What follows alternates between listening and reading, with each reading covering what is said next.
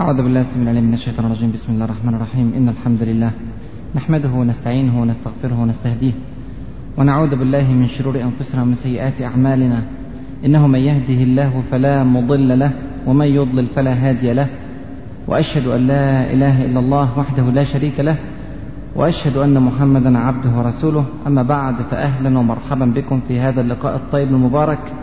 وأسأل الله عز وجل أن يجعل ذلك في ميزان حسناتنا أجمعين. إخواني ما أسهل الكلام وما أصعب الفعل؟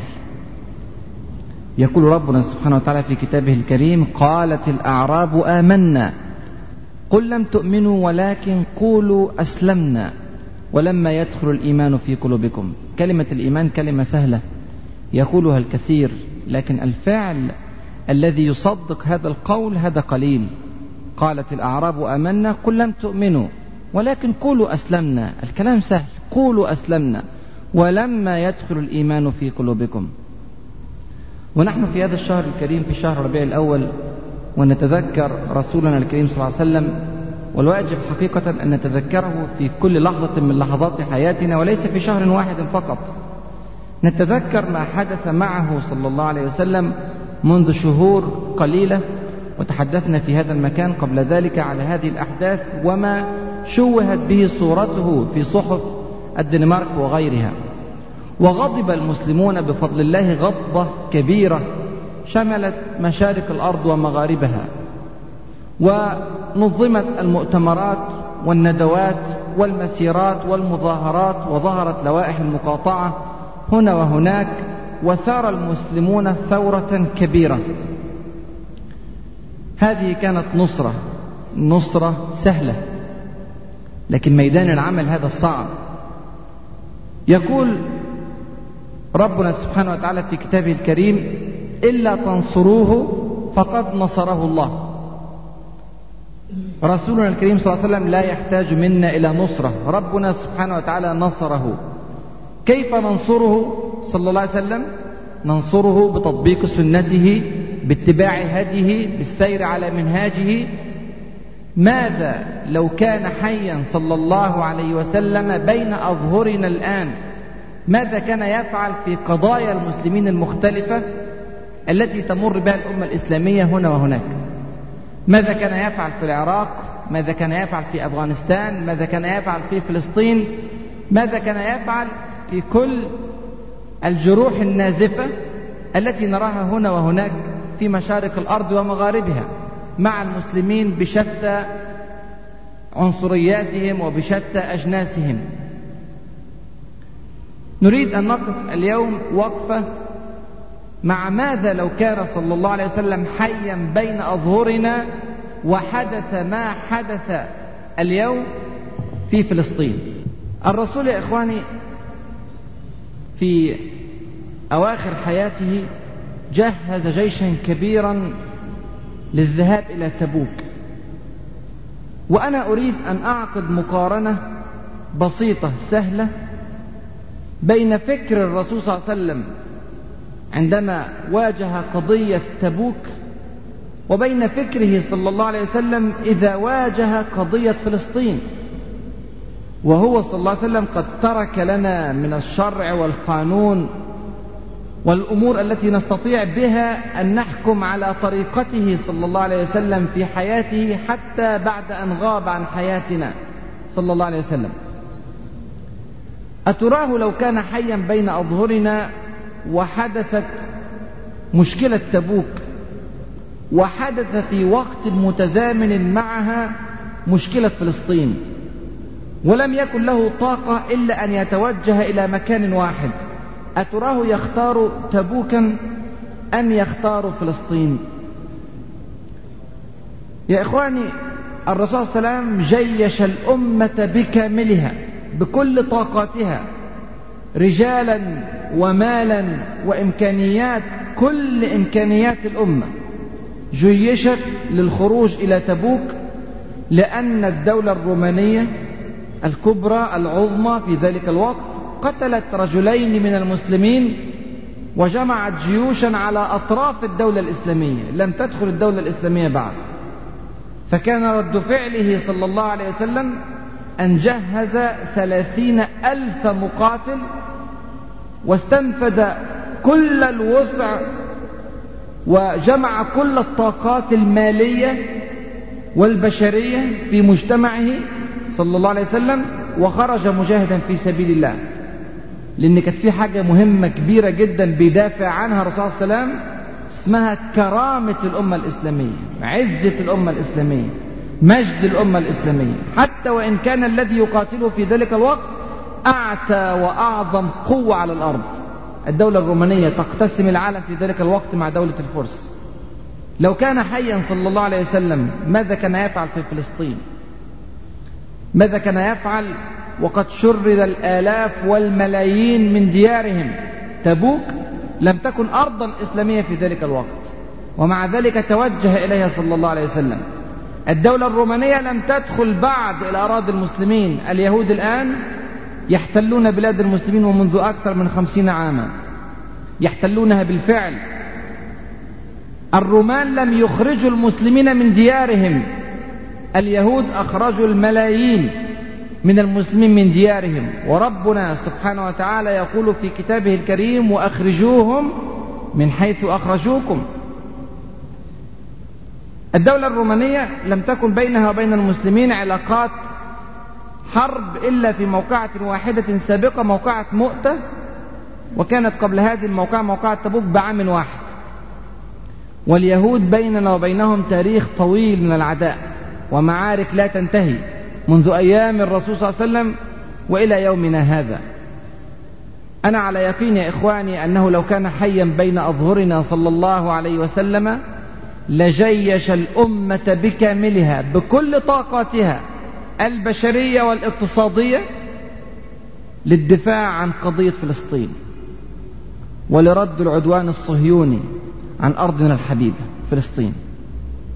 وعلى هذا القدر يجب أن نتناول القضية. واجبنا ناحية فلسطين هو واجبنا ناحية رسول الله صلى الله عليه وسلم. واجبنا ناحية الإسلام واجبنا ناحية رب العالمين سبحانه وتعالى. هذه القضية على هذا المستوى من القدر والأهمية. هناك عدة مفاهيم لابد أن نتحدث عنها. وأنا دائما أقول أن الفهم أول طريق العمل. الكثير يعمل ولكن ليس بفهم صحيح فقد يضل ويضل. لكن لابد أن نفهم بعض الأمور لنستطيع أن نتحرك بعد ذلك في هذه القضية بالطريقة التي شرعها رب العالمين سبحانه وتعالى. المفهوم الأول مفهوم هام جدا وخطير وهو مفهوم حتمية الوقوف إلى جوار شعبنا المسلم في فلسطين. يعني إيه حتمية الوقوف؟ يعني هذا الوقوف يا إخواني ليس تفضلا ومنة من بعض المسلمين المتحمسين المتحركين ولكن هذا فرض وواجب على المسلمين. حتمية الوقوف أنت ليس لك خيار أصلا في أن تقف أو لا تقف إلى جوار شعب فلسطين. في هذه الأزمة وفي غيرها. هذا أمر فرض على المسلمين وهذا لأسباب كثيرة. أولها أن هذا فرض شرعي. في شرع الله عز وجل أن يقف المسلمون وقفة جادة مع أي شعب احتلت أراضيه. إذا احتلت بلد من بلاد المسلمين مثل فلسطين أو غيرها من البلاد الشرع يقول أنه يفرض فرض عين على أهلها على أهل هذا القطر الذي احتل أن يحرروه فإن لم يكفي أهلها في تحرير البلد فرض ذلك على من حولها من الأقطار. فإن لم يكفي ما حولها من الأقطار فرض على من حولهم وحولهم حتى يشمل الدولة الإسلامية أو الأمة الإسلامية بكاملها بكاملها. إذا لم يكفي أهل فلسطين لتحريرها وهذا واضح.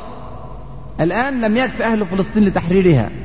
لا يستطيعون تحريرها.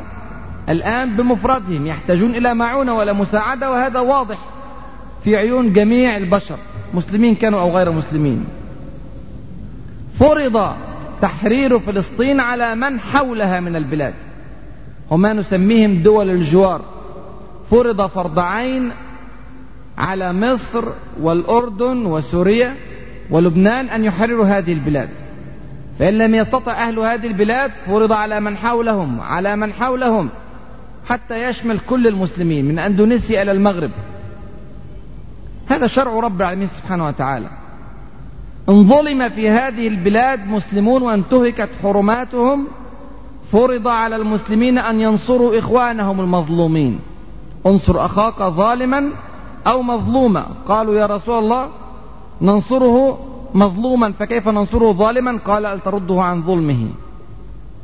فذلك نصره. فالرسول صلى الله عليه وسلم أمرنا بنصرة المظلوم من المسلمين. بل نصرة المظلوم من أي ملة في الأرض بكاملها. على المسلمين أن ينصروه أن ينصروا أي مظلوم.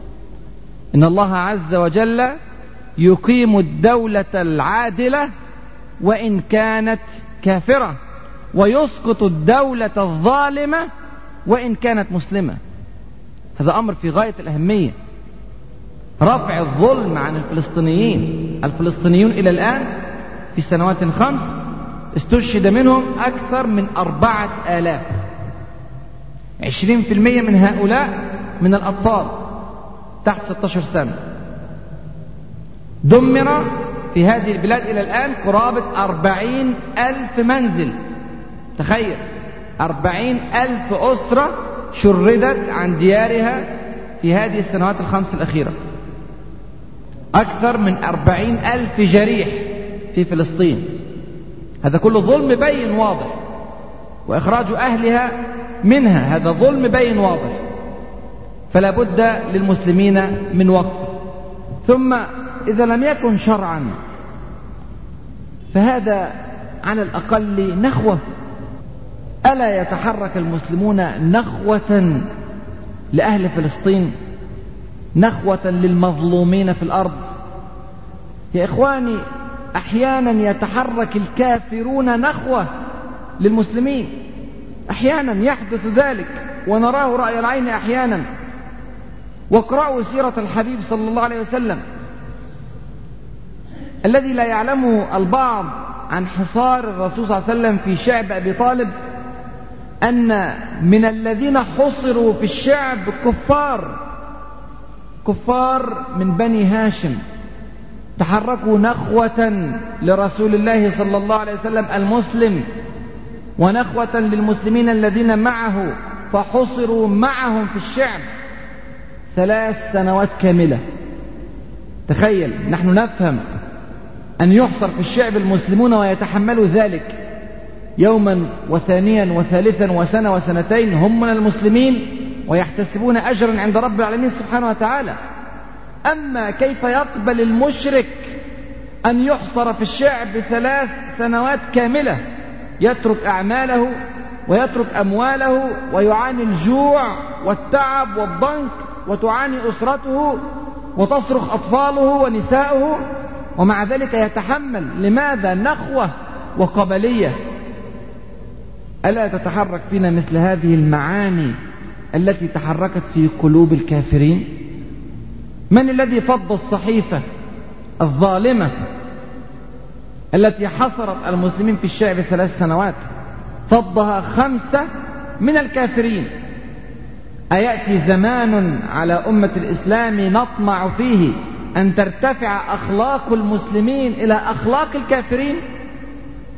ترتفع أخلاق المسلمين إلى أخلاق المطعم بن عدي ومن معه من الكفار الذين تحركت نخوتهم ووقفوا أمام أبي جهل وأعوانه ليقوموا بهذه المحاولة التي نجحت بعد ذلك بقطع وفض الصحيفة؟ من لصحيفة مقاطعة الفلسطينيين الآن؟ من الذي يتحرك لها من عموم الأرض؟ ألا يكون ذلك من المسلمين؟ ألا يتحركون نخوة لإخوانهم من الدم والنسب والعرق والدين وهو في مقدمة كل الأشياء؟ فعلى الأقل يا إخواني إن لم يكن شرعا فهو نخوة. ثم أينكر العرف ذلك؟ أينكر العرف عرف العالم بصفة عامة عرف الدول التي نعاصرها الآن. أينكرون على شعب أن يحرر أرضه؟ أجرم الفرنسيون مثلا على أنهم حاولوا ونجحوا في تحرير بلادهم من الألمان عندما احتلوها؟ لا يجرمون بذلك بل يعظمون ويبجلون. هل يجرم الجزائريون على أنهم حرروا بلادهم من فرنسا؟ أو يجرم الليبيون على أنهم حرروا بلادهم من إيطاليا؟ لماذا لا يجرم أو تجرم دول العالم التي احتلت عندما تحرر بلادها ويجرم الفلسطينيون الآن ويطلق على من أراد تحرير بلاده كاملة لفظ إرهابي؟ ويتحالف على ذلك القريب والبعيد والقاصي والداني والمسلم وغير المسلم. هذا أمر يحتاج إلى وقفات. العرف يا إخواني لا ينكر أبدا مشروع المقاومة التي تنادي به حماس. لا ينكر أبدا على الفلسطينيين المتحمسين الصادقين أن يحرروا بلادهم كاملة. العرف لا ينكر ذلك. قوانينهم الغربية والشرقية لا تنكر ذلك. ثم هناك خصوصية لفلسطين. إذا قلنا أنه هناك واجب شرعي على كل مسلم أن يحرر كل بقعة إسلامية احتلت في العالم. فهذا واجب شرعي شامل على كل بلاد العالم من المسلم بلاد المسلمة في العالم لكنه يزداد أهمية مع أرض فلسطين. لأن أرض فلسطين يا إخواني أرض خاصة ليست ككل أراضي المسلمين. أرض فلسطين فيها أولى القبلتين المسجد الأقصى. وفيها ثالث الحرمين وفيها مسرى رسول الله صلى الله عليه وسلم. وهي الأرض المباركة التي بارك الله عز وجل فيها. وهي أرض الجهاد وفيها المجاهدون إلى يوم القيامة. وهي أرض المحشر والمنشر فيها خصائص تعطيها أهمية واضحة في ميزان المسلمين. ولماذا وضع الله عز وجل كل هذه الصفات العظيمة في هذه الأرض لأنه يعلم سبحانه وتعالى بسابق علمه أن هذه الأرض ستظل بؤرة صراع إلى يوم القيامة. طمع فيها قبل ذلك الفرس وطمع فيها الرومان وطمع فيها الإنجليز وطمع فيها الصليبيون وطمع فيها اليهود وسيطمع فيها آخرون وآخرون ستظل بؤرة صراع إلى يوم القيامة. فمن رحمة رب العالمين بالمسلمين أن جعل فيها كل هذه الصفات لتهفو إليها نفوس المسلمين. لا تحتل فلسطين إلا وتحركت نفوس المسلمين إليها. فإن لم تتحرك إليها نفوس المسلمين فهذه علامة على ضعف شديد في إيمان الأمة. فلسطين عبارة عن مقياس لإيمان الأمة. إذا تحركت الأمة بحمية في قضية فلسطين فهذه دلالة على قوة الإيمان. وإذا تخلفت الأمة عن نصرة قضايا فلسطين فهذه علامة على ضعف شديد في إيمان الأمة ولا يأتي نصر أبدا بضعف في الإيمان. ثم هناك غير ذلك.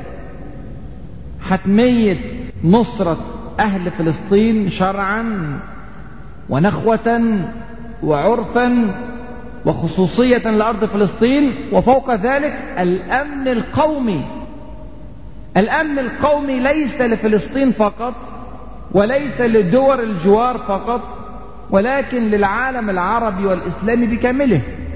وفي مقدمتهم مصر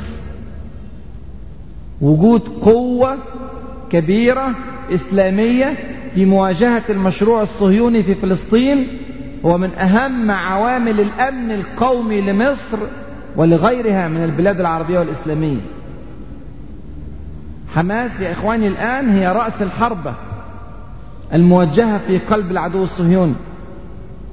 إن لم تقوى هذه الرأس وأنهك وضعف المشروع الإسلامي في فلسطين وسقطت المقاومة التفت اليهود إلى ما وراء ذلك. التفتوا إلى ما بعدها. وكلنا يعلم مشروع النيل إلى الفرات من النيل إلى الفرات المشروع الصهيوني المعروف وهذا ليس مشروعا وهميا إلى الآن على باب الكنيسة الإسرائيلي مرسوم هذه الخريطة من النيل إلى الفرات ومكتوب الآية التي ذكروها من التوراة تشير إلى أن دولة اليهود من النيل إلى الفرات. وحاولوا قبل ذلك أن يقوموا بهذا الأمر واحتلال سيناء ليس منا ببعيد وغزو لبنان ليس منا ببعيد واحتلال الجولان ما زال إلى الآن واقعا يراه المسلمون بأعينهم. وإذا تركت للقوة اليهودية أن تنمو وتنمو دون مقاومة فلا نشك مطلقا في أنهم سيفكرون في دولة اليهود من النيل إلى الفرات. وإن حققوها فسيفكرون فيما بعدها. وأحلام اليهود لا تتوقف عن التوسع. إذا مساندة المشروع الإسلامي في فلسطين هي مساندة لأنفسنا قبل أن تكون مساندة لهم. قضية الحصار هذه التي تفرض الآن على شعبنا في فلسطين هذه قضية مارسها اليهود قبل ذلك كثيرا ويعلمونها ويعلمها الغرب سياسة واضحة سياسة الحصار والتجويع هذه سياسة معترف بها في دول العالم أجمع لقهر الشعوب. اليهود أنفسهم فعلوا ذلك الأمر بمجرد أن قامت دولتهم. في سنة 48 وبعد أن قامت الدولة قام بنجوريون وأعلن ذلك على الملأ أنه يحاول أن يقيم حلفا مع الدول التي تحيط بالعالم العربي ليحاصر العالم العربي من حوله. واجتهد ومن معه في إقامة هذا الاتحاد والحلف مع الدول المحيطة بالعالم العربي ونجح بالفعل في إقامة علاقات قوية جدا معلنة مع تركيا ومع أثيوبيا ومع إيران. إيران طبعا أيام الشاه بهلوي فكون هذا الحصار حول العالم الإسلامي أو حول العالم العربي وسموا ذا هذه النظرية بنظرية شد الأطراف أطراف العالم العربي تحاصر بتحالفات قوية مع دول لها عرقيات مختلفة عن العرقيات العربية. وفي ظل غياب المنهج الإسلامي وعلمانية هذه الدول على الأقل في ذلك الوقت قامت هذه التحالفات وهذا يفسر قوة العلاقة بين إسرائيل وبين تركيا وبين إسرائيل وبين أثيوبيا وبين إسرائيل وبين إيران قبل قيام الجمهورية الإسلامية في إيران. وهذه القضية ما غابت عن أذهان اليهود أبدا. وإلى الآن يطبقونها ولعل ذلك يفسر الوحدة والمناصرة والمساندة الواضحة بين إسرائيل وبين المتمردين في جنوب السودان لحصار أيضا العالم الإسلامي والعالم العربي من جنوبه وبين إسرائيل وبين موريتانيا.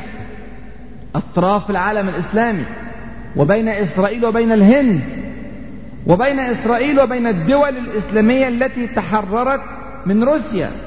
أول دولة قامت بإقامة علاقات دبلوماسية مع الدول الإسلامية بمجرد تحررها من الاتحاد السوفيتي كانت إسرائيل مع كازاخستان وأوزبكستان وغيرها من الدول التي هناك. هذا أمر نشاهده رأي العين إخواني وسياسة الحصار هذه لتركيع الشعوب وقهر الشعوب تمت كما رأينا مع العراق ونجحت نجاحا كبيرا وتمت مع ليبيا ونجحت في إملاء شروط الغرب مع ليبيا وتتم الآن مع فلسطين ولا بد من وقفة للمسلمين. الأمن القومي للمسلمين الأمن القومي للمصريين الأمن القومي للأردنيين ولغيرهم من بلاد العالم العربي والإسلامي يبدأ بتقوية حماس وتقوية كل من ينادي بالمقاومة وتحرير البلاد في أرض فلسطين. يبقى هذا مفهوم في غاية الأهمية يا إخواني. نحن لا نتفضل على أهل فلسطين بالمناصرة. نحن ننصر أنفسنا في المقام الأول. ننصر أنفسنا في الدنيا والآخرة. في الآخرة هذا واجب شرعي يحاسبنا عليه ربنا سبحانه وتعالى.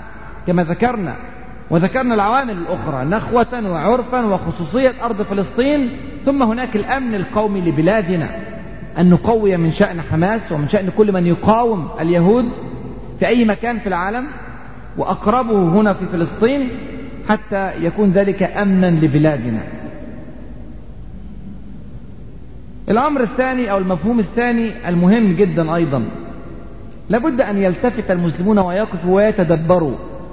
لماذا هذا الهياج في العالم أجمع لقيام حكومة مثل حكومة حماس في أرض فلسطين لنجاح حكومة منتخبة انتخابا نزيها وهذه النزاهة أقر بها الجميع.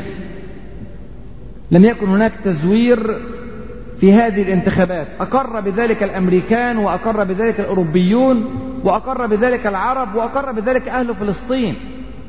لم يدعي مدع قط أن هذه الانتخابات شابتها أي شائبة تزوير ولعلها الانتخابات الوحيدة في العالم العربي التي لم تزور.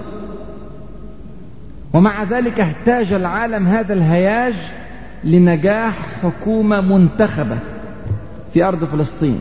لماذا يا إخواني؟ لابد أن يقف الإنسان ويتدبر. لماذا تهتم صحف العالم في كل بلاد العالم بنشر خبر نجاح حكومة حماس في الصفحات الأولى؟ لماذا تتحرك دول ضخمة عظمى كبرى في العالم؟ زي أمريكا وزي إنجلترا وزي فرنسا وزي إيطاليا وزي غيرها غيرها من دول الاتحاد الأوروبي. وكل الأنظمة العربية كما ترون لماذا تتحرك كل هذه القوى لإيقاف هذا النمو لهذه الحركة ولمنع هذه الحركة من قيادة حكومة في دولة صغيرة جدا لا ترى على الخريطة في دولة فلسطين؟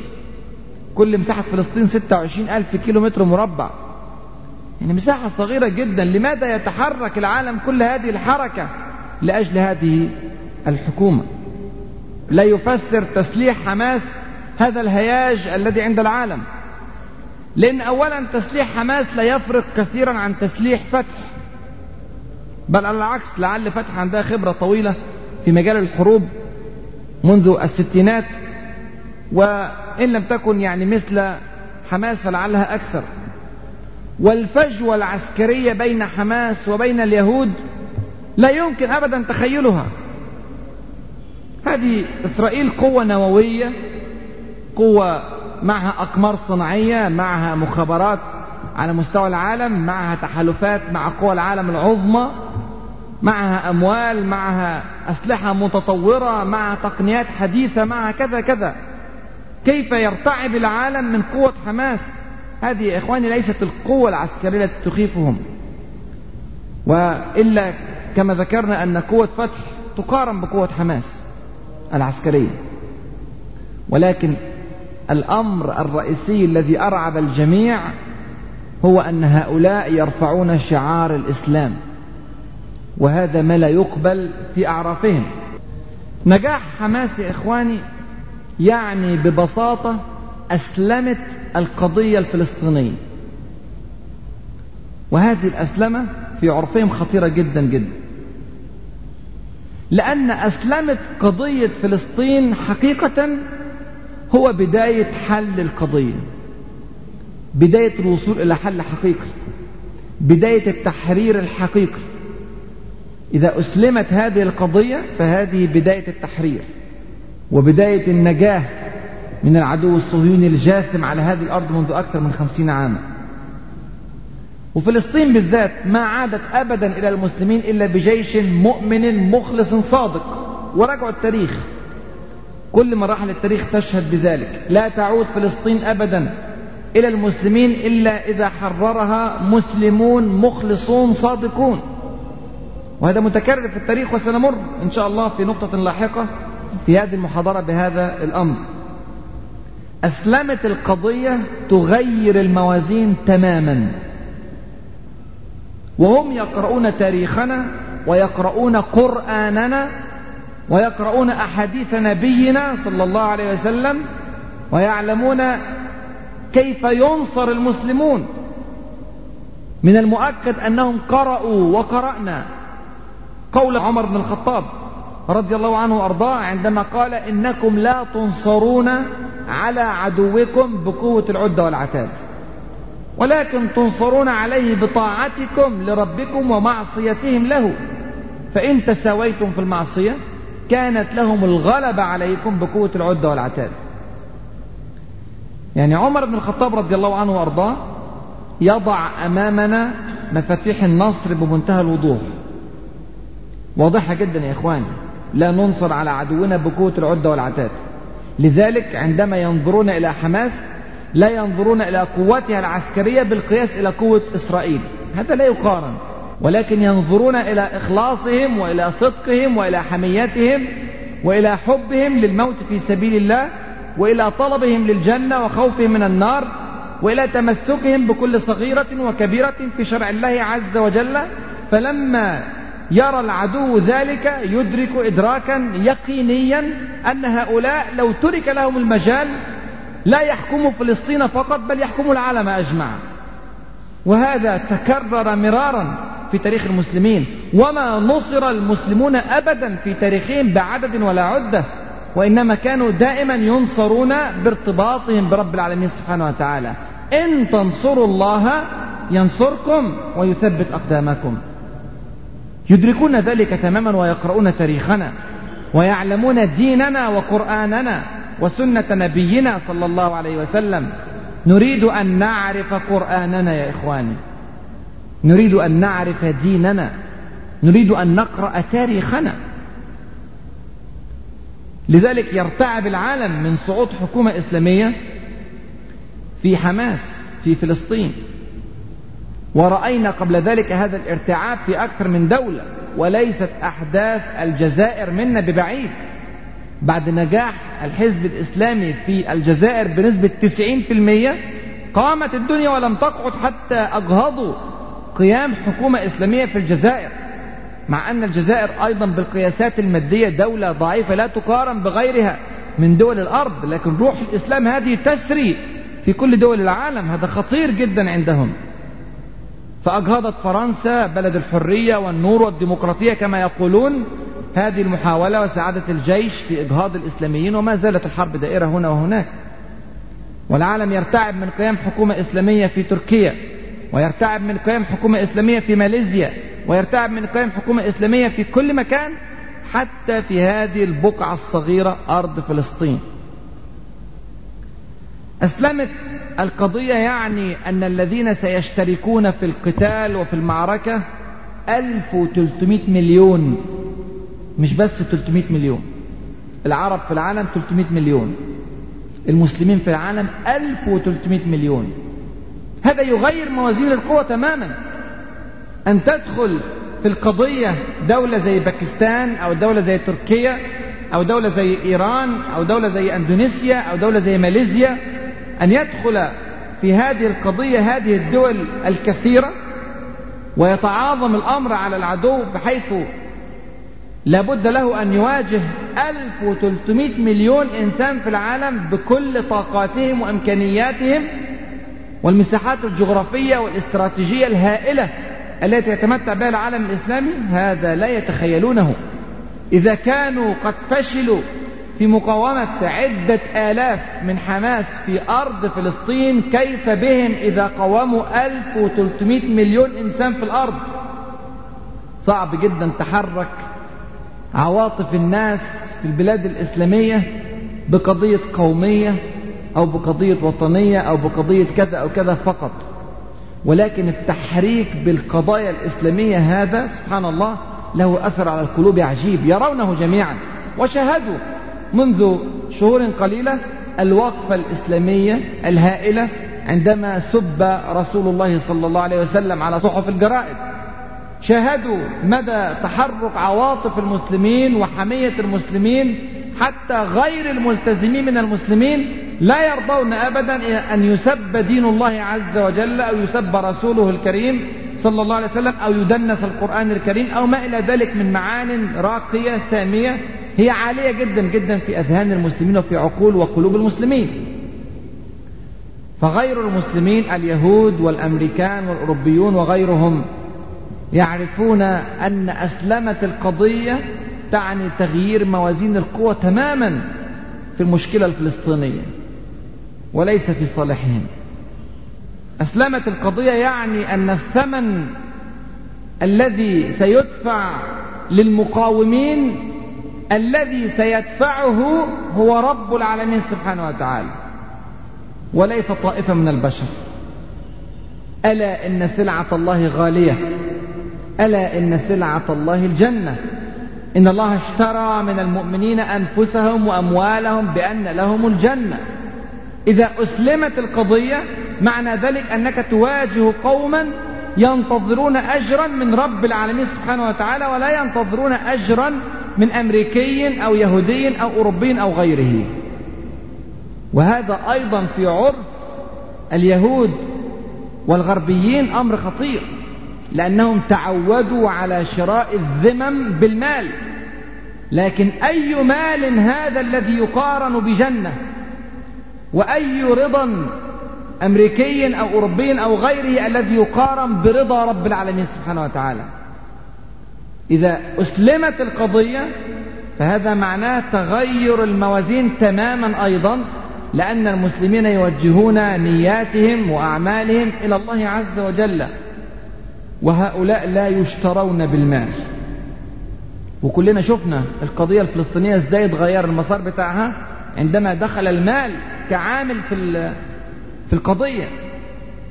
منظمة التحرير الفلسطينية وحركة فتح كانت تقاتل قبل ذلك قتالا شديدا وكلنا يعلم. في الستينات وفي السبعينات كانت تقاتل فعلا. لكن عندما دخل المال ودخلت الثروة تغيرت النفوس. والله لا أخشى عليكم الفقر ولكن أخشى عليكم الدنيا. أن تبسط عليكم كما بسطت على من كان قبلكم فتنافسوها كما تنافسوها فتهلككم كما أهلكتهم. لكن الذي يتمسك بدينه يعصمه هذا التمسك من أن ينزلق في هاوية الفساد والثروات التي يبيع بها كل شيء حتى يبيع الدين.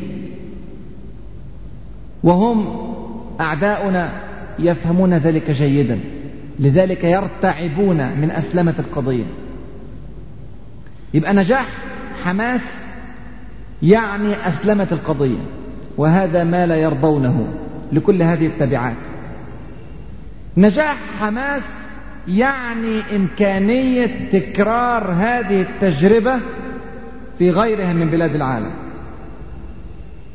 وزي ما أنتم عارفين هناك حركات إسلامية كثيرة وصحوة إسلامية مباركة في معظم أو كل بلاد العالم الإسلامي. إن نجحت هذه الطائفة البسيطة القليلة الضعيفة ماديا كما يرى الجميع في إقامة حكومة إسلامية ناجحة في فلسطين فهذا معناه إمكانية إقامة حكومة إسلامية في أي بقعة من بقاع العالم الإسلامي بكامله. في مصر في الأردن في اليمن في تركيا في باكستان في أي بلد من بلاد العالم الإسلامي. هذا مشروع قد نجح يدعى الغير إلى تطبيق مثله. لذلك تجتمع قوى العالم بالإضافة إلى الأنظمة العربية لمقاومة هذا المشروع.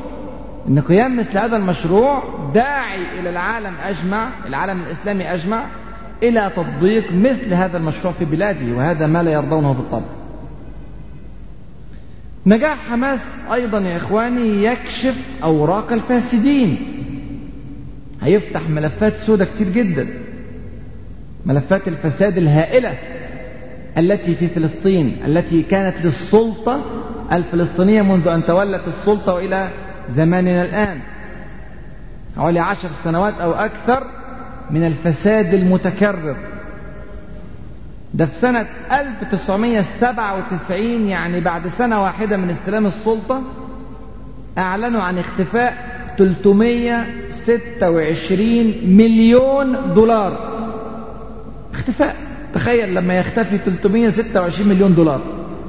يعني إيه اختفاء؟ هذا فساد من أول سنة. المال يا إخواني خطير. فتنة المال فتنة خطيرة لكل أمة فتنة وفتنة أمتي المال كما قال صلى الله عليه وسلم. فتنة خطيرة. فلما كثرت الأموال حدث الفساد واستشرى في السلطة الفلسطينية ولم ينجو منه إلا ما رحم الله عز وجل. وتكررت قضايا الفساد هنا وهناك. حتى الآن تفتح ملفات الفساد هذه ملفات هائلة ضخمة. قيام حكومة نظيفة نظيفة حقيقة تعف يدها عن المال العام تتقي الله عز وجل في ميزانية الدولة. هذا يكشف أوراق الفاسدين ليس في فلسطين فقط ولكن في عموم العالم الإسلامي. كل الناس بقى هتقول الله طب ما في ناس نظيفة هي ده في أموال كتيرة في العالم الإسلامي. ده في بركة في العالم الإسلامي. ده في نجاح لمشروع إسلامي وكثرة في أموال المسلمين. فلماذا يحدث الاضطراب الاقتصادي والسقوط في هوية الديون هنا وهناك؟ لابد أن هناك فسادا. فهذا يكشف أوراق الفاسدين. فلذلك يحاولون قمع كل محاولة إصلاح. قمع كل محاولة نظيفة جادة للحفاظ على المال العام لأن هذا يفضح الفاسدين ويفتح ملفات سوداء كثيرة هنا وهناك. لذلك يجتمع العالم ويضطرب العالم لخروج حكومة إسلامية ولو كانت بسيطة أو صغيرة كحكومة حماس في فلسطين. هذه الأمور طبعا أو هذه الأسباب التي ذكرناها التي من أجلها هلع العالم لقيام حكومة حماس تفسر لنا هذا الموقف السخيف الذي تقوم به أمريكا وأوروبا مع حكومة حماس المنتخبة انتخابا آه، ديمقراطيا وانتخابا سليما نزيها. هذا يفسر طبعا المفهوم الثالث المهم جدا التجربة الأولى في التاريخ يا إخواني لو فشلت تصبح مأساة. والتجربة الثانية إذا كررت نفس التجربة الفاشلة الأولى تصبح ملهاة. يعني إيه الكلام؟ ده يعني إذا جرب قوم طريقا من الطرق أو أمرا من الأمور أو وسيلة من الوسائل لعلاج أمر أو مشكلة تمر بها أمة من الأمم وفشلت هذه التجربة؟ قد تكون هذه التجربة نتيجة هذا الفشل في مأساة تحصل في المجتمع أو مأساة في الأمة. فإذا جاء قوم من بعدهم وكرروا نفس الفشل تصبح هذه ملهاة. الأولانية تراجيديا والثانية كوميديا. لأنهم ما استفادوش من أخطاء السابقين. لماذا تطالب حماس الآن بالسير في طريق السلطة الفلسطينية السابق؟ ماذا جنينا من مفاوضات وتنازلات وبيع على مدار السنوات العشر السابقة وقبلها؟ ما الذي تحقق للمسلمين من مدريد وأسلو وغيرها من المفاوضات والعلاقات السابقة التي رأيناها جميعا؟ ونعرف مدى فشلها ومدى انحدارها إلى مستوى لا يتخيله حتى العقل الطبيعي لا أقول العقل المسلم. أي عقل لا يتخيل هذه الانحدارات التي انحدرت فيها الأمة الإسلامية. أن يتخيل إنسان أي إنسان مسلم أو غير مسلم هل يتخيل أحد أن إسرائيل تسمح بقيام دولة فلسطينية حقيقية في الضفة الغربية وغزة مهما وعدوا ومهما قالوا هل يتخيل إنسان أن هذه الدولة ستكون دولة حقيقية؟ ليست دولة مهلهلة ممزقة تفتقر تماما إلى مقومات الدولة؟ مستحيل يا إخواني. مستحيل أن يقبل اليهود بإقامة جيش فلسطيني في الضفة الغربية وغزة يملك صواريخ وطائرات ودبابات وقنابل. هذا مستحيل. كيف يتخيل المسلمون أن طريق المفاوضات قد يصل بهم إلى إقامة دولة فلسطينية حقيقية؟ إذا كان اليهود والأمريكان يغضبون أشد الغضب ويفتشون على الأسلحة إذا أدركوا أن دولة كذا أو كذا تملك من الصواريخ ما قد يصل إلى فلسطين. سواء كانت العراق ولا إيران ولا باكستان ولا غيرها من الدول الإسلامية. يغضبون غضبا شديدا ويبعثون المراقبين ليدققوا هل يا ترى عندهم فعلا صواريخ تستطيع أن تصل من بلادهم إلى فلسطين إلى إسرائيل؟ ويمنعون ذلك. فكيف يقبلون به في الضفة الغربية وغزة؟ على بعد عدة أمتار من دولتهم. هذا مستحيل. والذي يظن ذلك لا أقول أنه قد وهم ولكن أقول أنه قد فقد عقله. فعلا هذا يفقد عقله تماما الذي يعتقد أن هذا الطريق طريق المفاوضات مع إسرائيل ووعود بوش كما تسمعون بإقامة دولة فلسطينية أن هذا يعني إقامة دولة فلسطينية حقيقية. هو فقط لعله يسمح بإقامة بعض المعسكرات التي تأوي هؤلاء ليعيشوا يأكلوا ويشربوا ويشربوا ويتمتعوا. فقط. أما أن تكون عندهم مقومات دولة قوية ومطارات خاصة وسفارات خاصة في العالم ورأي مستقل بعيد عن السياسة الإسرائيلية هذا محال. الحقوق يا إخواني لا توهب ولكن تنتزع.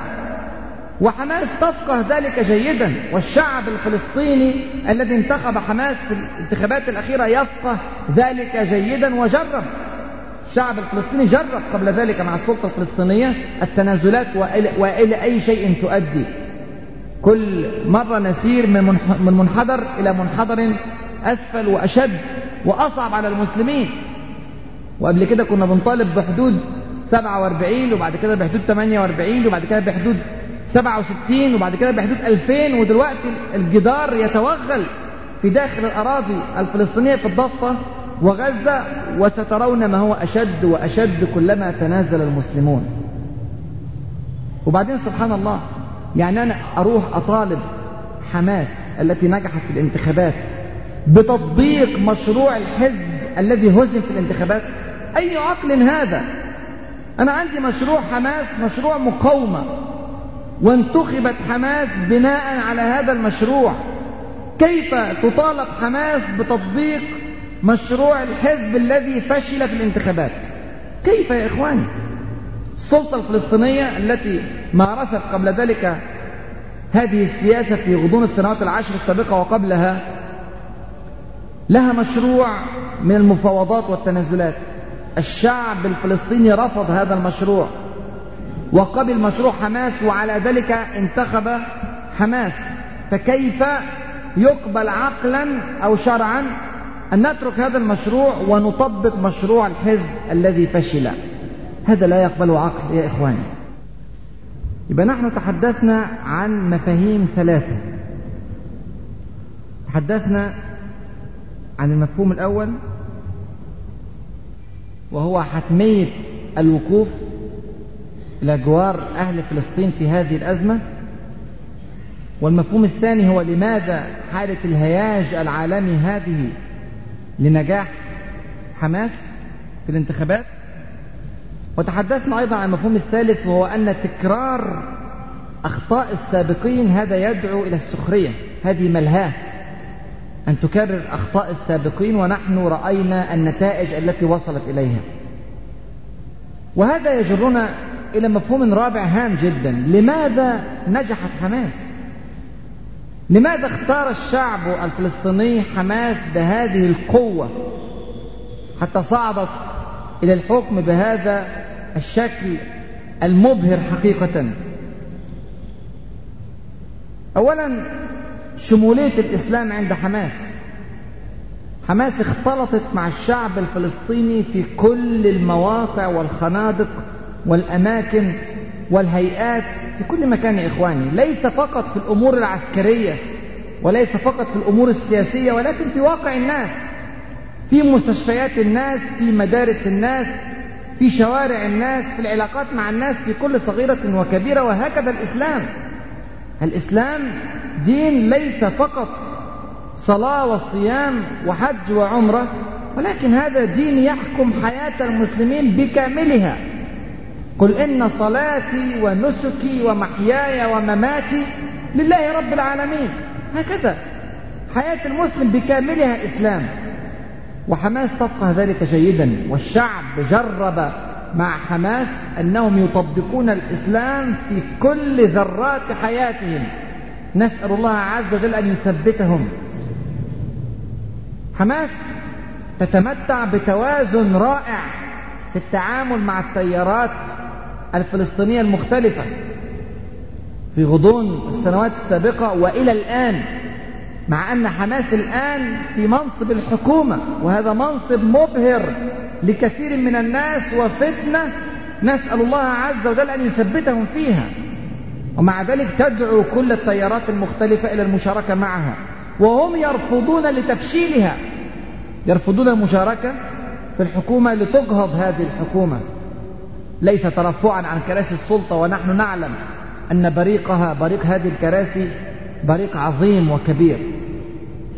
لكن إلى الآن حماس تضع يدها في يد كل التيارات الفلسطينية المختلفة وتحاول قدر ما تستطيع أن تقف معهم على أرضية مشتركة حتى مع هذه الطوائف التي فيها اختلاف أيديولوجي أو اختلاف فكري كبير عن حماس.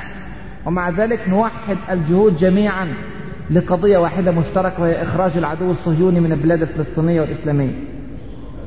حماس حرصت تمام الحرص في تاريخها على عدم إراقة الدم الفلسطيني. حرصت أشد الحرص على تجنب الصراع الفلسطيني الفلسطيني. وقادة حماس في كل مكان يتبنون هذا الرأي ويحاولون ضبط الأعصاب قدر المستطاع وعدم الخوض في عراق أو قتال فلسطيني فلسطيني قدر المستطاع. في كل تاريخهم ما حدث هذا الصراع الذي يتمناه اليهود ويحاولون أن ينشرونه بين الطوائف الفلسطينية المختلفة. مع أن السجون الفلسطينية أيام السلطة الفلسطينية الأولى امتلأت بجنود حماس. ومع ذلك لا يقابلون هذا الفعل بفعل مثله وهذا من كرم أخلاقهم. الشعب اختار حماس لوضوح الرؤية عند حماس.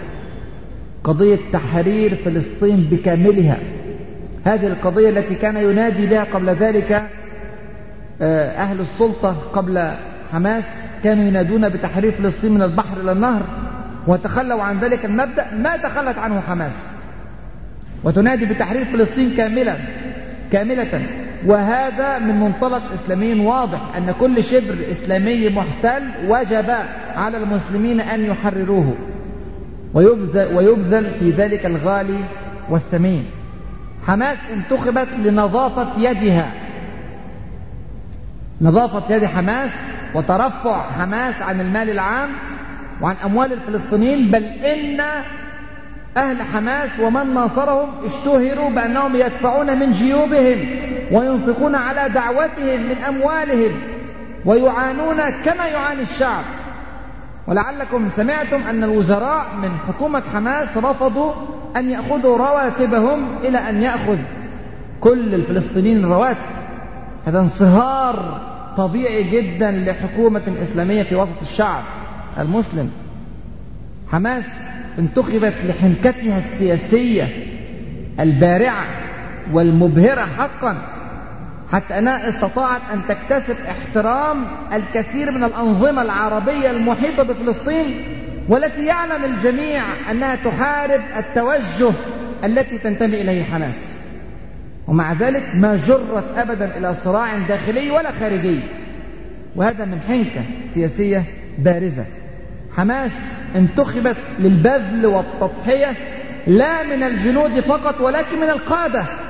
وكلنا يذكر استشهاد الشيخ أحمد ياسين واستشهاد الدكتور عبد العزيز الرنتيسي واستشهاد إسماعيل أبو شنب واستشهاد يحيى عياش واستشهاد عقل واستشهاد غيرهم وغيرهم من قادة حماس.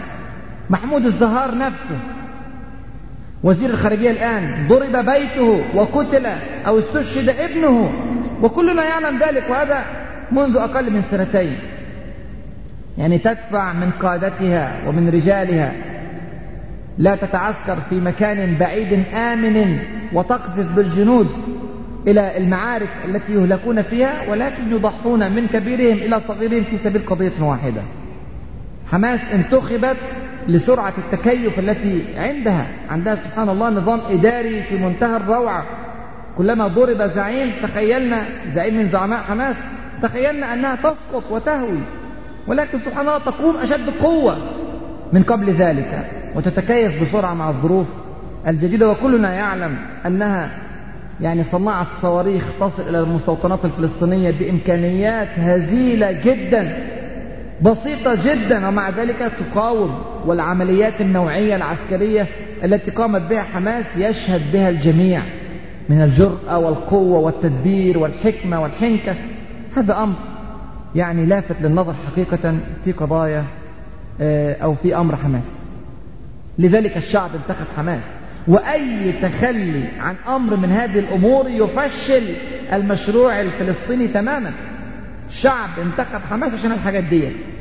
هذا هو المشروع الانتخابي أو البرنامج الانتخابي. لحماس. ان تخلت عن أمر من هذه الأمور سقط المشروع كلية. فلا يطالب أبدا أي فرد من حماس بتطبيق أي أمر يخالف هذه الأمور. مفهوم مهم جدا يا إخواني نريد أن نضغط عليه أيضا في هذا اليوم وبعجالة وهو قراءة التاريخ. اقرأوا التاريخ يا إخواني حتى تعلموا أن ما تمر به حماس الآن مرت به فلسطين قبل ذلك ومرت به بقاع إسلامية كثيرة. فلسطين يا إخواني قبل ذلك وقعت في أيدي الصليبيين لا نقول خمسين سنة ولكن مئتين سنة كاملة. ومع ذلك حررت فلسطين. ولم يقتنع أو يقبل المسلمون الصادقون في زمان الصليبيين بالأمر الواقع مع أن احتلال الصليبيين لفلسطين كان شديد الشبه باحتلال اليهود لفلسطين الآن. بمعنى أنه كان استعمار شعوب لا استعمار جيوش. جاء الصليبيون بنسائهم وأطفالهم وأموالهم وتجارتهم وعاشوا في أرض فلسطين 200 سنة كاملة. احتلت فلسطين 200 سنة أجيال وراء أجيال اتولدت في داخل أرض فلسطين. ومع ذلك ما نسي المسلمون الصادقون القضية وحررت فلسطين. فإذا كنا قد استطعنا تحريرها من احتلال 200 سنة فنحن بإذن الله على تحريرها الآن أقدر. والعاقبة للمتقين ولتعلمن نبأه بعد حين. هذا أمر لا بد أن يحدث. وهناك بشريات كثيرة في التاريخ. إذا نظرتم مثلا إلى الأحزاب الذين أحاطوا بالمدينة المنورة وافتقد المسلمون في وقتها إلى كل مقومات النجاة المادية التي يحسبها الناس بالورقة والقلم. الجيش أضعف من الجيش المشرك العدد أقل من الجيش المشرك الظروف أصعب الجوع البرد أمور صعبة فعلا. ومع ذلك انظروا إلى كلام الحبيب صلى الله عليه وسلم في ذلك الموقف وهو يبشر المسلمين. لا يبشرهم بالنجاة من هذا الحصار فقط ولا يبشرهم بالانتصار على قريش فقط ولا يبشرهم بالانتصار على العرب ولكن يبشرهم بغزو وفتح العالم أجمع. يبشرهم يا إخواني بفتح العالم يبشرهم بفتح فارس. وفتح الشام وفتح اليمن. تخيل. تخيل أن المسلمين المحصورين في داخل المدينة المنورة يبشرون بفتح دولة تقتسم العالم مع دولة الروم ويبشرون بضم الشام إلى الدولة الإسلامية وضم اليمن إلى الدولة الإسلامية. كيف؟ هذا لا يقبله ولا يقتنع به إلا مسلم صادق. أما المنافقون الذين نظروا إلى الظروف التي تمر بها الأمة الإسلامية في زمان الأحزاب قالوا ما وعدنا الله ورسوله إلا غرورا. وارجع كده أنزل هذا الموقف على فلسطين. وبدل ما تبشر حكومة حماس أو شعب فلسطين بالنجاة من ذلك الحصار قريبا تخيل أن هناك من يبشرهم ليس فقط بتحرير فلسطين ولكن بحكم العالم أجمع وبقهر الدول التي تسمى دول عظمى كبرى في العالم. هذا في عرف الكثير وهم يا إخواني لكن في عرف المؤمن الصادق هذا يقين يقين. والذي يشك في ذلك فليراجع إيمانه. يراجع إيمانه. من كان يظن أن لن ينصره الله في الدنيا والآخرة فليمدد بسبب إلى السماء ثم ليقطع فلينظر هل يذهبن كيده ما يغيظ. يقول رسولنا الكريم صلى الله عليه وسلم والحديث في صحيح مسلم عن ثوبان رضي الله عنه وأرضاه إن الله زوى لي الأرض مشارقها ومغاربها وإن أمتي سيبلغ ملكها ما زوي لي منها. هذا يقين يا إخواني. نؤمن به إيمانا جازما. نؤمن به وكأننا نراه رأي العين لأن الرسول صلى الله عليه وسلم قاله. إن كان قالا فقد صدق صلى الله عليه وسلم. وهذا ثابت في الصحيح هذا الحديث. بل انظروا إلى موقف حماس الآن لتعلموا البشريات لنصر هذه الأمة إن شاء الله رب العالمين. تذكروا أحوالنا منذ 12 سنة مثلا أو 14 سنة في مرج الزهور عندما نفي الفلسطينيون المتحمسون لقضيتهم إلى هناك وكم منهم محمود الزهار؟ سبحان الله. نفوا إلى هنا إلى هناك وشافت الناس أن النصر بعيد جدا وإمكانية وصول هؤلاء إلى مكان آمن صعب ما بالك بالوصول إلى حكومة فلسطين في ذلك الوقت أو في وقتنا الآن. من سنتين كنا بنشوف استشهاد الشيخ أحمد ياسين والدكتور عبد العزيز الرنتيسي وضرب بيت محمود الزهار واستشهاد ابنه. كنا بنقول لسه بدري. لو كنا دلوقتي كنا قربنا نوصل لحل الحل اتأخر كتير قوي. بعد أقل من سنتين سبحان الله تصعد حكومة حماس أو يصعد أهل حماس وأبطال حماس إلى مكان الحكومة. ويصبح محمود الزهار وزير خارجية. ويصبح إسماعيل هنية الذي كان مضطهدا ومطاردا من السلطة الفلسطينية من ثلاث أربع شهور يصبح على رأس حكومة فلسطين. سبحان الله. الله عز وجل يهب الملك لمن يشاء وينزع الملك ممن يشاء سبحانه وتعالى. بيده مقاليد السماوات والأرض سبحانه وتعالى. مفهوم هام جدا. نقترب من من النهاية. أنا أعلم أن الوقت يداهمنا ولكن أعذروني القضية فعلا قضية هامة وخطيرة. هي قضية كل مسلم يا إخواني النوايا الحسنة لا تكفي لدخول الجنة. النوايا الحسنة لا تكفي لدخول الجنة. ليس معنى أنك تتمنى الجنة وترغب فيها رغبة حقيقية. أن هذا كافيا لدخول الجنة ولكن لا بد من عمل. كلنا نفسنا فلسطين تتحرر بكاملها. كلنا نفسنا الإسلام يرفع راياته على بلاد العالم أجمع. لكن أين العمل؟ ما هو دورنا الآن في مواجهة هذه الأزمة؟ بإيجاز دورنا أولا أن نحرك القضية في قلوب الناس حتى لا تموت. بل أقول في قلوب المسلمين وغير المسلمين.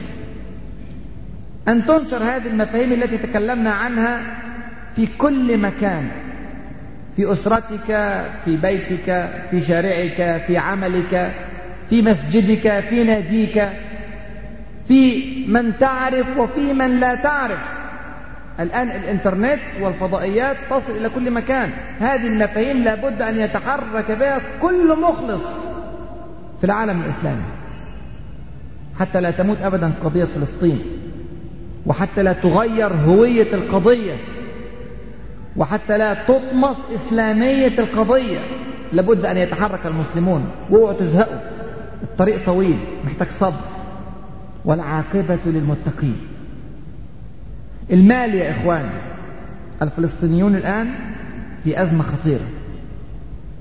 هم يجاهدون بأرواحهم والمسلمون في بقاع العالم المختلفة التي لم يفتح لهم باب الجهاد بعد بأرواحهم أيضا. على الأقل يجب أن يجاهدوا بأموالهم. ولا أقول التبرع لفلسطين هذا ليس تبرعا إنما هو جهاد في سبيل الله عز وجل.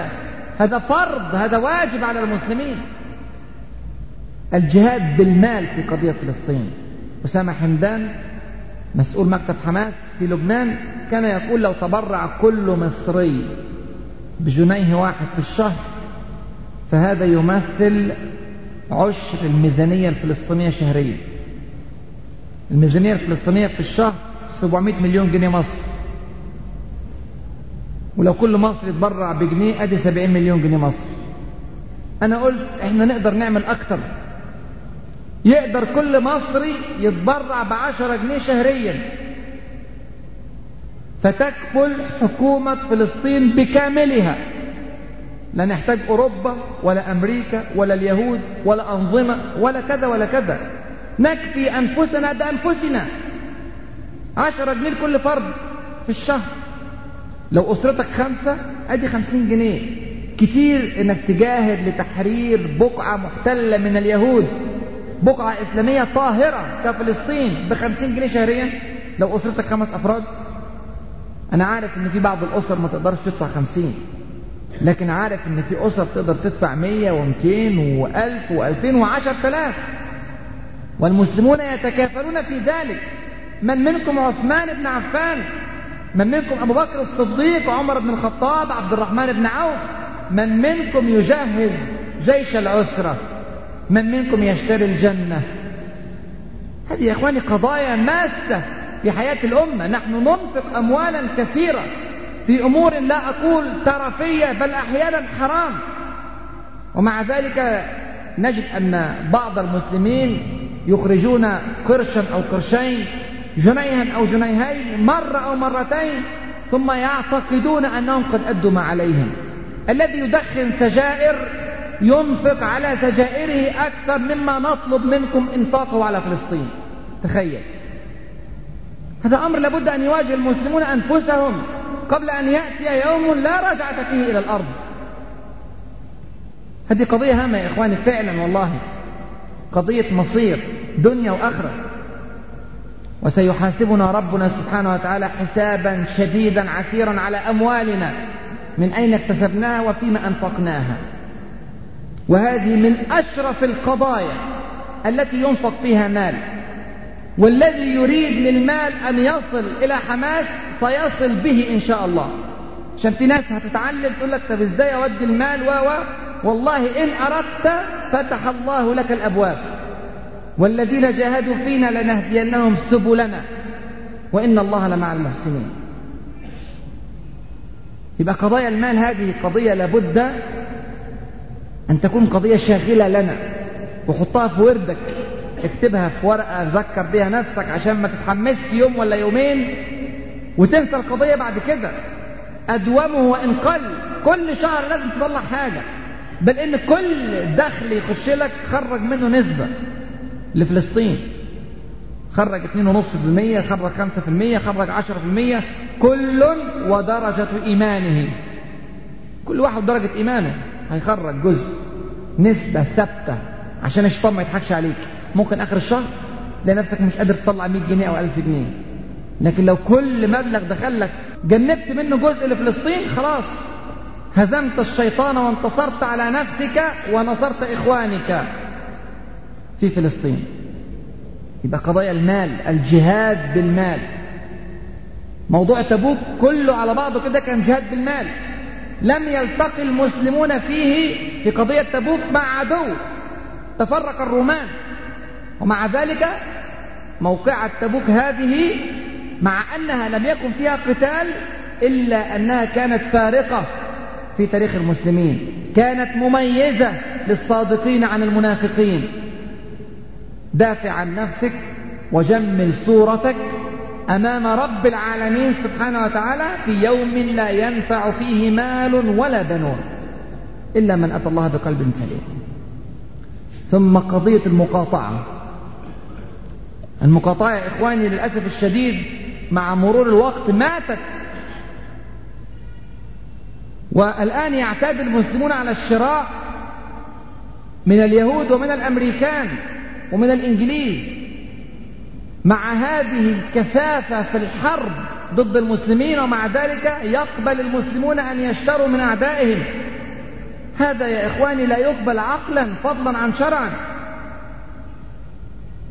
كيف يشتري المسلمون ممن يذبحون أبناءنا وإخواننا ويدمرون ديارنا ويجرفون أرضنا ويخرجون أهلنا من ديارهم وأوطانهم؟ كيف؟ أليس هناك نخوة في قلوب المسلمين؟ المسلمين اتحمست حماسة كبيرة جدا لمقاطعة الدنمارك. وقوائم مقاطعة للدنمارك في كل مكان و SMS وإيميلات وحماسة منقطعة النظير. خبروني بالله عليكم. من منكم تأثر حقيقة بمقاطعة الدنمارك؟ مين أصلا كان بيشتري منتجات دنماركية قبل المقاطعة الدنماركية؟ عشان كده كل المسلمين تحمسوا. أما إذا كانت القضية قضية ماسة فلن ينجح فيها إلا الصادق حقا. الصادق فقط هو الذي سينجح في هذه القضية. أن تقاطع أمورا هامة في حياتك. أن تقاطع منتجات هنا وهناك كثيرة تدخل في كل صغيرة وكبيرة في حياتك وتكون حريصا تمام الحرص على تجنب الشراء. من اليهود والأمريكان والإنجليز ومن سار في منهجهم وعلى طريقهم في حرب المسلمين هذا أمر يحتاج إلى صادقين. وكلمة إلى من قال وسمعنا هذا القول للأسف من بعض الدعاة أن المقاطعة بدعة. سبحان الله. والله هذا هو الوهم حقيقة. أنا لا أتخيل كيف لعالم أن يقول مثل هذا الكلام. أنا لا أقول أن المقاطعة فقط أمر مباح ولكنها سنة عن رسولنا الكريم صلى الله عليه وسلم. هي فعلا سنة والذي لا يقاطع عدوه الذي يقتل أبناءه ويجرف أرضه ويدمر بنيانه هذا مخالف لسنة الحبيب صلى الله عليه وسلم. ثمام بن أثال رضي الله عنه وأرضاه. الصحابي الجليل عندما أسلم قال والله لا تأتي قريش حبة حنطة. ما داموا يحاربون رسول الله صلى الله عليه وسلم. فقاطعهم مقاطعة اقتصادية. وحرم على نفسه أن يبيع ويشتري منهم مع أنه تأثر اقتصاديا بهذا الأمر. خسر اقتصاديا بمقاطعته. تاجر يا إخواني تاجر يبيع ويشتري. أوقف التعامل مع قريش على ضخامة قريش لأنها تحارب رسول الله صلى الله عليه وسلم. والرسول صلى الله عليه وسلم علم بذلك وأقره أقره. وكما يعلم العلماء وتعلمون جميعا أن السنة هي كل قول أو فعل أو تقرير من رسولنا الكريم صلى الله عليه وسلم. فإذا كان صلى الله عليه وسلم أقر ذلك الفعل ألا تكون هذه سنة؟ بلى وربي إنها سنة عن رسولنا الكريم صلى الله عليه وسلم. ولما ضاق الأمر بقريش معنى أنه ضاق الأمر بقريش أنه يعني أنه قد مرت أيام وشهور على ذلك الأمر. وجاعوا وأنهكوا وضعفوا ذهبوا إلى رسول الله صلى الله عليه وسلم يسألونه بالأرحام أن يعفو عنهم وأن يأمر ثمام بن أثال أن يخلي عنهم. فحن ورق صلى الله عليه وسلم لرحمه وأرسل إلى ثمام بن أثال أن بع واشتري لهم وأعطيهم من الحنطة. فبدأ الثمام بن أثال يعطيهم. شتان يا إخواني بين هذا الموقف وبين موقف من تهون عليه القضايا الإسلامية إلى الدرجة التي لا يمنع نفسه فيها من شراء سندويتش أو مشروب غازي أو فانيلا أو حذاء أو أشياء سبحان الله من صناعة الأمريكان أو اليهود يقبل بذلك في هذه الأزمة التي تمر بها الأمة. أنا عايز أسحبك إلى ما هو أقل من ذلك. بلاش شرعا. نخوة. حمية. هضرب لك مثال وخليك صادق مع نفسك ومع ربنا سبحانه وتعالى. لو انت في بيتك ودخل عليك جارك وجارك مسلم واتخانق معاك وضربك وسبك وآذاك وانت لسبب أو لآخر ما قدرتش ترد عليه. عمل فيك العملة ديت الظهر أو العصر. بالليل نازل تشتري العشاء. بالله عليك لو جارك ده عنده سوبر ماركت هتروح تشتري منه؟ ولا هتشتري من واحد تاني جنبه؟ هذا شعور فطري بحت. لو قلت لأولادك يا أولادي ما تشتروش من الراجل ده لحسن بهدلني زي ما أنتم شايفين. أيلومك أحد؟ أيبدعك عالم؟ يقول والله دي بدعة. انك ما تشتريش من السوبر ماركت بتاع الراجل اللي ضربك وأذاك. ولو كان مسلم حتى. طب ما بالك بقى لو دخل عليك هذا الجار ولم يكن مسلما فقتل أبنائك وسرق مالك وأخرجك من بيتك طردك من البيت بتاعك. وانت مش عارف تتصرف لضعف ولقلة حيلة فخرجت من بيتك. وجه وقت العشاء تروح تشتري من السوبر ماركت بتاعه. يا أخي أي عقل هذا؟ هل يحدث هذا الأمر؟ هل نتخيل أن هذا يحدث مع إنسان عاقل؟ مستحيل يا إخواني. التفسير الوحيد لكوننا ما زلنا نشتري هذه المنتجات أننا لا نشعر بأخوتنا وقرابتنا لإخواننا في فلسطين وهذه مشكلة عقائدية خطيرة. التفسير الوحيد يا إخواني لهذا الأمر أنك ما زلت تشتري من الأمريكان واليهود مع حربهم للمسلمين هكذا في فلسطين أننا لا نشعر حقيقة بأخوتنا لأهلنا في فلسطين. لا نشعر برباط العقيدة الذي يضمنا. واعتصموا بحبل الله جميعا ولا تفرقوا. هذه النصرة وهذا الاعتصام وهذا التمسك حول كتاب واحد ونحو قبلة واحدة وبدين واحد والتوجه إلى رب واحد هذا لا يشعر به المسلم الذي يشتري ويبيع من الأمريكان أو اليهود مع ضراوة الحرب بيننا وبينهم الآن. والأمر فيه تفصيل طبعا ولعلنا ذكرنا في محاضرة كاملة عن المقاطعة هذه الأمور وحدود هذه المقاطعة وأنا أعلم أن هناك بعض المنتجات التي لا تنتجها إلا هذه الدول وهنا استثناء إن كان الأمر ماسا وليس له بديل عند المسلمين أو عند غير المسلمين الذين لا يحاربون المسلمين فهذا اضطرار. لكن ككلام واقعي معظم البضائع التي يشتريها المسلمون ليس فيها هذا الاضطرار. وكلنا رأينا نتائج المقاطعة مع الدنمارك. فلتكن مع الأشد والأعنف. الدنمارك كاتب يعني لا يعدو أن يكون كاتبا بسيطا حقيرا لا وزن له كتب في جريدة لا وزن لها أمرا عن رسولنا الكريم صلى الله عليه وسلم. هذا أمر خطير نعم. لكن يا إخواني الأخطر حقيقة أن يقتل أربعة آلاف مسلم في فلسطين. عشرين في المئة منهم من الأطفال. أو يجرح إخواننا هناك أو يدنس الأقصى. أو تحتل البلاد الإسلامية. هذه قضايا ضخمة جدا في الشرع ضخمة جدا في ميزان رب العالمين سبحانه وتعالى. يهتز لها عرش الرحمن سبحانه وتعالى. ثم ندعو لهم إخواننا هناك بالإضافة إلى تحريك القضية وبالإضافة إلى الجهاد بالمال وبالإضافة إلى المقاطعة ندعو إلى إخواننا في فلسطين أن يثبتهم رب العالمين سبحانه وتعالى وأن يعلي راياتهم وأن يمكن لهم وأن ينزل السكينة عليهم. ندعو بذلك دعاء متكررا لحوحا. ندعو به في كل صلاة ندعو به في كل قيام ندعو به في كل وقت وحين قضية تشغل حياتنا تماما.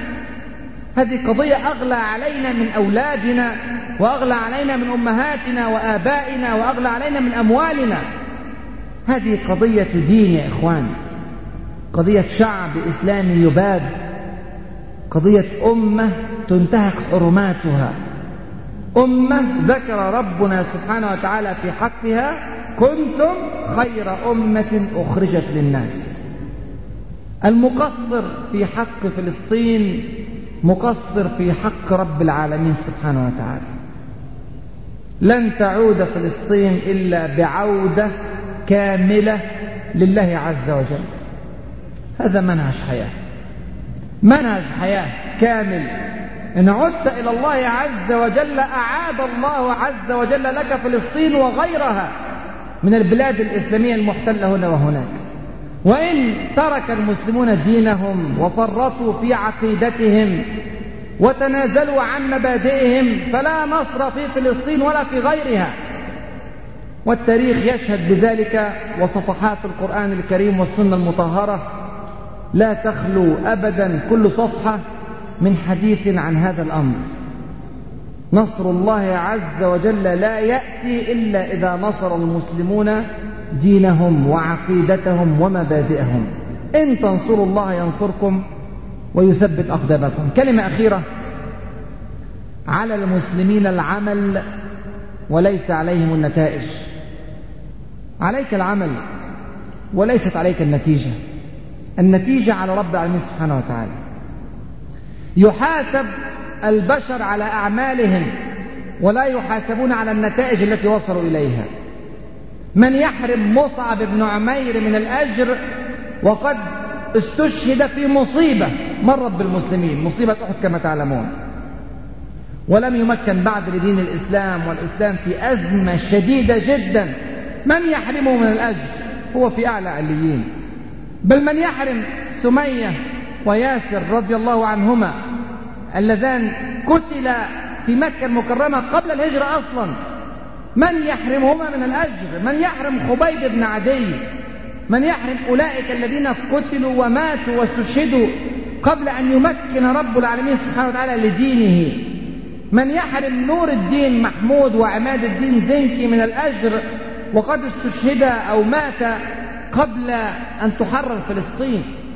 اجتهد عماد الدين الزنكي قدر ما يستطيع. واجتهد نور الدين محمود قدر ما يستطيع وما حررت فلسطين في زمانهما. أيحرمان من الأجر نسأل الله عز وجل أن يجعلهم في أعلى عليين. هم الذين صنعوا الجيل الذي خرج منه بعد ذلك صلاح الدين الأيوبي رحمه الله ورحم الله كل من جاهد معه في سبيل الله حتى حررت فلسطين. هذا الأمر يا إخواني أمر لابد أن نفقهه جيدا. لأن في ناس بتقول هتسقط حكومة حماس. وستنجح القوة التي اجتمعت عليها في إسقاطها. أنا بقول لك حتى لو سقطت نسأل الله عز وجل ألا يسقطها. وألا يسقط أي مشروع إسلامي صادق في العالم في أي مكان في فلسطين وفي غيرها.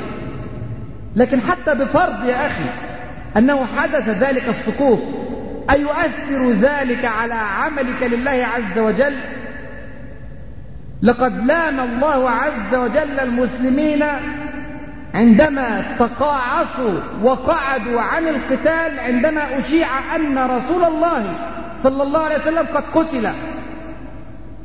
قال سبحانه وتعالى في كتابه الكريم وما محمد إلا رسول قد خلت من قبله الرسل. أفإن مات أو قتل انقلبتم على أعقابكم؟ ومن ينقلب على عقبيه فلن يضر الله شيئا وسيجزي الله الشاكرين. ليس مبررا قط لأي مسلم أن يقعد أو يفتر أو يكسل أو يتقاعس عن نصرة أهل فلسطين أو عن نصرة قضايا الإسلام مهما حدث من مصائب. وإن كانت المصيبة هي موت رسول الله صلى الله عليه وسلم. لأن الله عز وجل حي لا يموت. من كان يعبد محمدا فإن محمدا قد مات ومن كان يعبد الله فإن الله حي لا يموت. أنت تعمل لله عز وجل لا تعمل لحماس ولا لغيرها من البشر أنت تعمل لله والله حي لا يموت. سقطت حماس قامت حماس قامت غيرها سقط غيرها نحن نعمل لله عز وجل. والله عز وجل يراقب أعمالنا. ويعطينا الأجر على العمل وليس على النتيجة. ويأتي بالنصر في الوقت الذي يريده وبالطريقة التي يريدها سبحانه وتعالى. وأختم كلامي بما بدأت به الكلام. ما أسهل الكلام وما أصعب الفعل والعمل قالت الأعراب آمنا. قل لم تؤمنوا ولكن قولوا أسلمنا. ولما يدخل الإيمان في قلوبكم وإن تطيعوا الله ورسوله لا يلدكم من أعمالكم شيئا. إن الله غفور رحيم. ثم يعرف ربنا سبحانه وتعالى المؤمنين.